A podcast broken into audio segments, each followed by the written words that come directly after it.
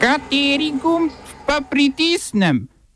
Tisti, na katerem piše OF.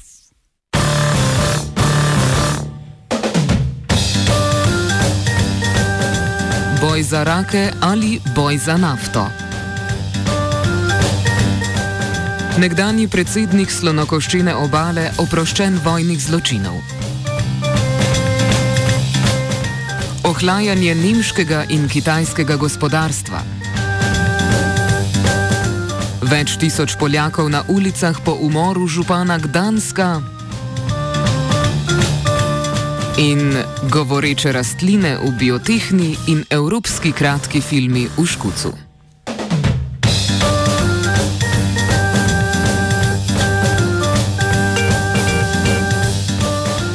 Norveško vrhovno sodišče začenja obravnavo o pravicah dolova na snežne rake v okolici otočja Svalbard. Odločitev bi lahko imela posledice za pravice do črpanja nafte v norveški Arktiki. Norveška je lani zasegla latvijsko plovilo, ki je na območju kontinentalne police Svalbarda lovilo snežne rake na podlagi dovoljenja Evropske komisije.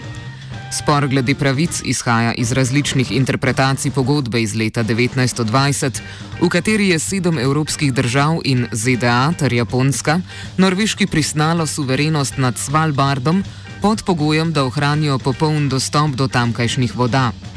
Interpretacije pa se razlikujejo na točki, ali ta dostop obsega zgolj ribolov ali tudi dostop do morskega dna.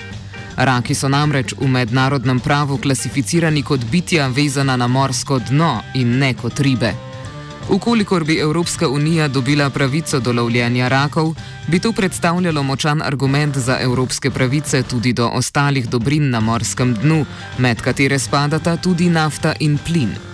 Po oceni Združenih držav Amerike se pod arktičnim dnom skriva dobra petina neodkritih zalog nafte.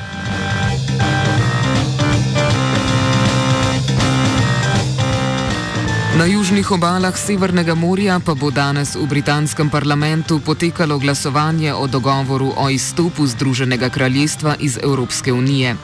Medtem ko se britanska politika ne more poenotiti glede načina izstopa, pa so ferski otoki izbrali gotovost.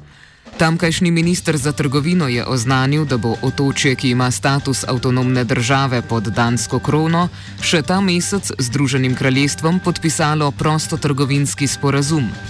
Združeno kraljestvo je največji izvozni trg ferskih otokov, skoraj celoten izvoz pa predstavljajo ribe.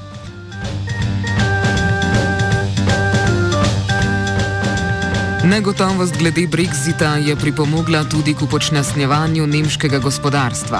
To je letos po podatkih Zvezdnega statističnega urada zabeležilo 1,5 odstotno rast, kar je najmanj v zadnjih petih letih. Nemško gospodarstvo je močno odvisno od izvoznega sektorja, šibek izvoz pa je k upočasnjevanju rasti pripomogel največji delež. Poleg kaotičnega brexita je k upadu nemškega izvoza pripomoglo tudi krčenje uvoza na Kitajskem, ki je največja nemška trgovinska partnerica. Kitajska se sooča z nevarnostjo ameriških carin in razdolževanjem gospodarstva, oboje pa pripomore k manjšemu uvozu. Tako je prvič od leta 1990 na Kitajskem upadla prodaja avtomobilov, enega izmed pomembnejših nemških izvoznih produktov.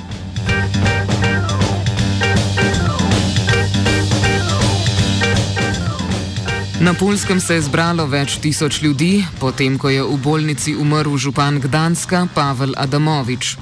Moški, ki je Adamoviča v nedeljo zabodal na dobrodelni prireditvi, trdi, da je bil v zaporu mučen, za kar naj bi bila odgovorna takrat vladajoča stranka Državljanska platforma, ki ji je pripadal tudi Adamovič. Protestniki izpostavljajo, da naj bi bila za umor soodgovorna tudi retorika polske vladajoče stranke Zakon in pravičnost. Ta je med drugim javnim službam prepovedala sodelovanje na dotični dobrodelni prireditvi zaradi njene liberalne naravnanosti.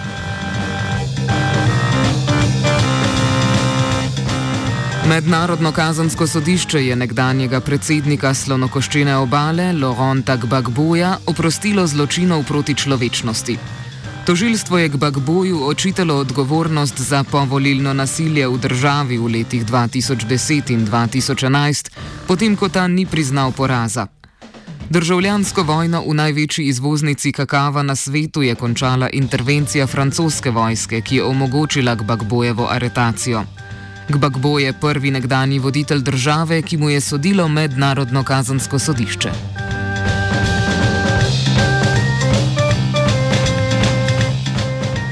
Gabonski predsednik Ali Bongo se je po dvomesečni odsotnosti vrnil v državo. Pretekla dva meseca je Bongo preživel v Maroku, kjer je okreval za srčno kapjo. Medtem je minuli ponedeljek skupina vojaških častnikov zauzela prostore nacionalne televizije v prestolnici Librevi in neuspešno poskusila prevzeti oblast. Poskus državnega udara je ustavila žandarmerija, ki odgovarja neposredno predsedniku. Predsednik makedonskega parlamenta Talat Džaferi je podpisal zakon, ki daje albanščini status uradnega jezika. Podpis bo v kratkem objavljen v uradnem listu, s čimer bo stopil v veljavo na vkljub nasprotovanju predsednika Đorđeta Ivanova.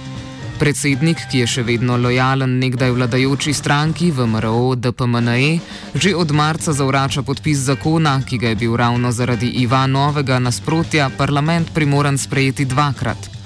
Iz VMRO DPMNE so sporočili, da je sprejem zakona brez predsednikovega podpisa kaznivo dejanje, za katero je predvidena zaporna kazen. OF je pripravil Twitter, sledijo kulturne novice.